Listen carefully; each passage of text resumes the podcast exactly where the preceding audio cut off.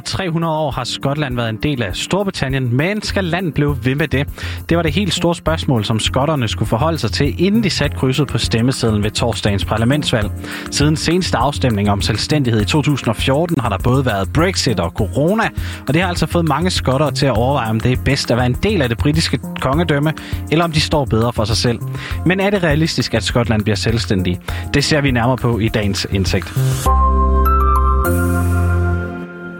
This election result is, by any standard, an extraordinary and historic achievement. My heartfelt thanks go to all of those in the SNP who worked so hard in such difficult circumstances to make all of this possible. But most of all, I want to thank the people of Scotland for putting their trust in me and in the SNP once again. We will work to repay that trust every day. Som du kan høre her, så var Nicola Sturgeon glad, da hun gik på talerstolen for at fejre, at hun igen vandt et skotsk valg, og dermed skal hun fortsat som Skotlands politiske leder. Sturgeon og hendes parti, Scottish National Party eller SNP, det vandt nemlig igen magten, ligesom det altså har gjort ved hvert valg siden 2007. Den her gang var det især partiets fokus på uafhængighed, der fik mange vælgere til at sætte krydset ud for SNP. Og for at blive klogere med det, har jeg taget en snak med Louds korrespondent i Storbritannien, Rasmus Mell Melgaard Harbo, der fortæller, at flere og flere skotter de nu ser uafhængighed som mål. Der er en hel del meningsmålinger det sidste års tid, der har peget på, at hvis skotterne blev spurgt igen, ja, så ville denne her sidste gang i 2014, der var det 55 procent af befolkningen cirka, der stemte imod selvstændighed. Der er nogle af de her meningsmålinger, øh, nyere meningsmålinger, der viser, at det simpelthen vil være omvendt nu, at det vil være 55 procent, der stemt for selvstændighed. Mellem 52 og 55 procent ligger øh, pilen og, og svinger imellem, så vidt jeg lige sådan kan, kan skønne. Øh, så det er sindssygt spændende. Men meningsmålinger er jo altså bare det, altså målinger, så der kan også være fejl. Og SNP, som altså er meget for selvstændighed, de kunne altså heller ikke skaffe sig et flertal alene ved det her parlamentsvalg. Partiet det fik 64 pladser i parlamentet, hvor der sidder 129 folkevalgte. Dermed så missede Sturgeon og SNP altså et enkelt mandat fra at kunne have flertal. Derfor så samarbejder Sturgeon nu med partiet De Grønne, som også går ind for uafhængighed. Og De Grønne de fik 8 pladser i parlamentet. Men selvom begge partier partier de godt kunne tænke sig en ny afstemning, så får det altså betydning, at Sturgeon og SNP de ikke kunne skaffe et flertal alene. Det betyder noget, fordi Nicola Sturgeon sagde, at hvis man fik et absolut flertal, så vil man øh, begynde at kæmpe mod Westminster, mod regeringen i London, for at få lov til at holde et uafhængighedsvalg igen.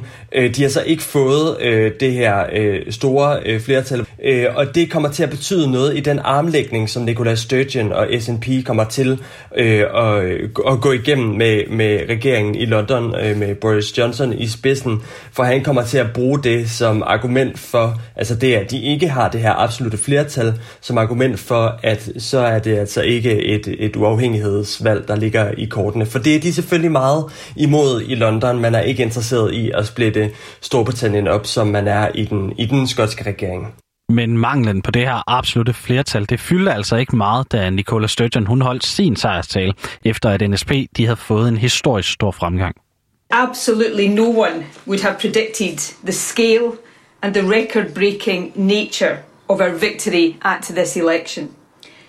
And we haven't just held every constituency seat that we won back in 2016, we've also gained seats from both Labour and the Tories and recorded our best ever share of the constituency vote. Indeed, we have won more votes than any party in the history of devolution. Og dermed så står SNP altså også utroligt stærkt. Faktisk så har et parti ikke været så stærke i Skotland før. Og den her store fremgang, den kunne altså også tyde på, at der er opbakning til at tage en ny afstemning om uafhængighed. Men er der virkelig ikke andet end uafhængighed, som har fyldt i skotternes valgdebat? Nej, ikke sådan for alvor, fortæller Rasmus Harbo. Selvfølgelig har partierne, som ikke går ind for selvstændighed, forsøgt at få debatten til at handle om noget andet. Det er bare ikke rigtig lykkes. Det har dybest set været et valg om, om man vil have et valg om selvstændighed på et senere tidspunkt. Øh, så jeg vil sige, det, det, er, det, det, det er helt klart det eneste sådan rigtige fokus, og det er ikke lykkedes for de andre partier at komme til at snakke rigtigt om andet. Man er selvfølgelig enige om, at så snart man er over pandemien, og så snart man så er over det her selvstændighedsvalg, som man håber på at få, så skal vi begynde at tale om andre ting. Men lige nu, altså det, det er selvstændigheden, det handler om, og det her var helt klart øh, et, et valg om, øh, om man skulle have et nyt selvstændighedsvalg selvom debatten om selvstændighed, den altså har overskygget alt andet, så står det bare ikke øverst på Nicola Sturgeons liste af opgaver her de første dage. Der er nemlig lige en pandemi, som der skal tages hånd om først. First and foremost, it is to lead Scotland through the pandemic and to keep the people of this country as safe as possible. That will be my focus when I return to my desk tomorrow. It is then to kickstart and drive a recovery from COVID with that ambitious and transformative programme for government. And yes, when the crisis has passed, it is to give people in Scotland the right to choose our own future.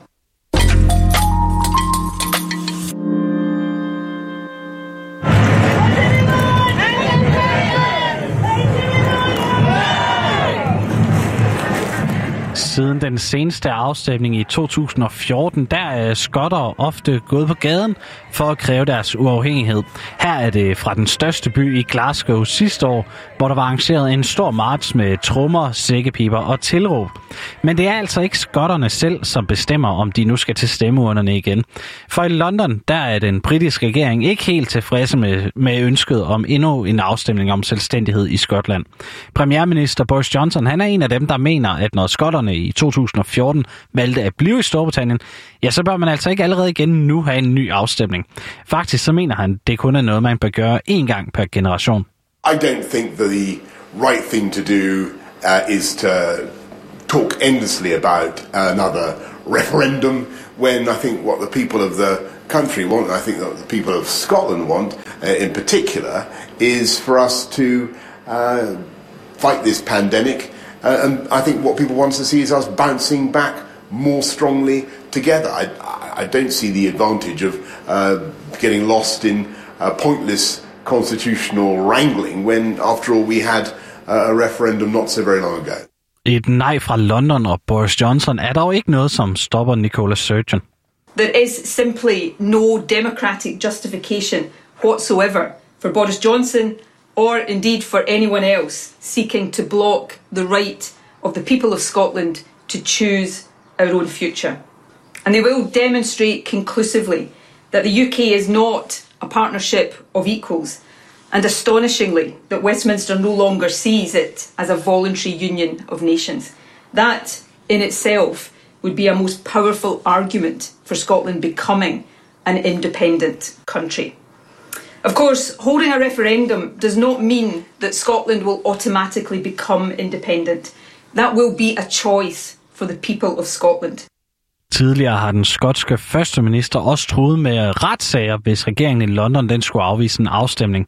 Hun mener nemlig, hun har retten på sin side, og så må en dommer altså tage beslutningen, så det ikke bliver Boris Johnsons. Men hvorfor vil skotterne overhovedet stemme igen, når de for syv år siden sagde nej til selvstændighed? Har Boris Johnson ikke også en pointe, når han siger, at sådan et resultat, det bør altså stå til trone bare lidt længere tid end syv år?